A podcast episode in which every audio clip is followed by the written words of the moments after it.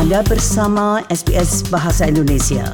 Dapatkan lebih banyak lagi cerita bagus di sbs.com.au garis miring Indonesia. SBS SBS SBS SBS SBS This is SBS Radio. Pendengar, sebuah laporan tentang kemiskinan di Australia telah mendorong seruan baru untuk meningkatkan tunjangan Newstart dan untuk menciptakan perumahan yang lebih terjangkau. Ditemukan lebih dari 13 persen populasi Australia hidup dalam kemiskinan, menempatkan negara ini jauh di belakang negara-negara kaya OECD lainnya. Berikut ini laporan tentang hal tersebut yang disusun oleh Petham Smolenik. Lebih dari 3 juta orang Australia hidup dalam kemiskinan dan lebih dari 770 ribu di antaranya adalah anak-anak di bawah usia 15 tahun. Itu menurut tinjauan kemiskinan di Australia tahun 2020 oleh Dewan Layanan Sosial Australia atau ACOS dan Universitas New South Wales. Di Australia, satu dari delapan orang dewasa dan satu dari enam anak hidup di bawah garis kemiskinan. Mereka adalah statistik yang menurut peneliti yang sudah diharapkan. Profesor Carla Traylor adalah Direktur Pusat Penelitian Kebijakan Sosial dari University of New South Wales. These rates have been persistent over about a decade despite uninterrupted economic growth over that period. And it also shows that compared to internationally wealthy countries, Australia is doing poorly. Our results are worse than the majority of other wealthy countries. And so we can compare ourselves to countries like New Zealand, Ireland, and Germany and show that we are doing worse on tackling poverty in Australia. Director Executive Brotherhood of St. Lawrence, Connie Lenneberg, seperti banyak orang lain yang bekerja di sektor kemiskinan, tidak terkejut dengan temuan laporan itu. Namun ia mengatakan fakta bahwa hampir 18 persen anak-anak di bawah usia 15 tahun hidup dalam kemiskinan di Australia itu sangat mengkhawatirkan. We know that of those children, 40% of children living in single mother households are living in poverty.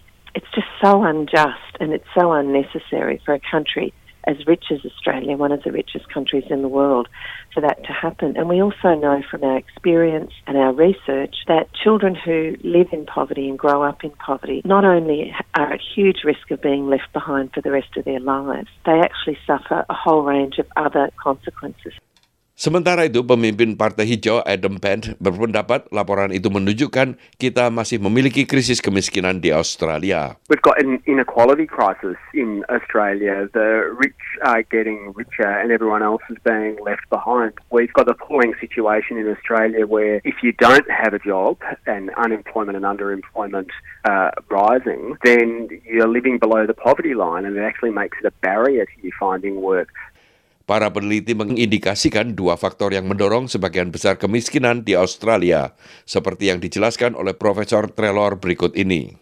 New Start is $100 a week below the poverty line, which makes it really tough to, for people to meet their daily needs, let alone to get ahead in, in what are tough times when they're looking for work. And in housing costs, we know that for those on, on the lowest incomes, their housing costs have gone up more than 40% over the last decade or so. And for those in middle income, their housing costs have gone up a much more modest 15%. So income and housing costs are keeping people poor in Australia.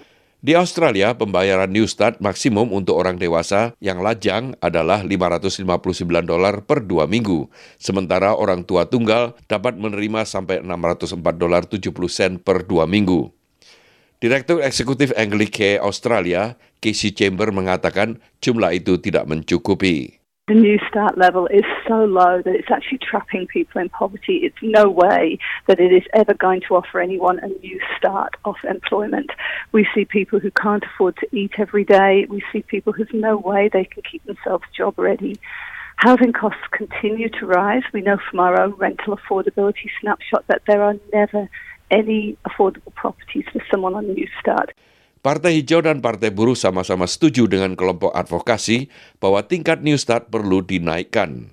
Namun pihak koalisi mempertahankan tingkat saat ini, keputusan yang sangat membingungkan Chambers. That's something that I really um, have to say I don't understand.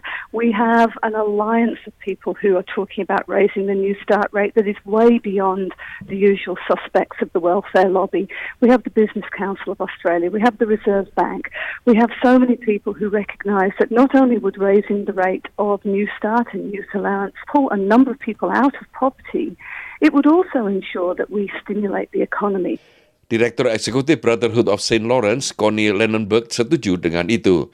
Ia mengatakan membuat perubahan kebijakan sederhana dengan pendekatan manusia bukan politik adalah kunci untuk menyelesaikan kemiskinan di Australia. Reducing poverty and inequality in Australia is absolutely achievable, and this report shows that what governments need to do is increase income support payments to levels that are fair, upon which people can live and meet their basic needs, and they need to invest in social housing so that people can afford to keep a roof over their heads.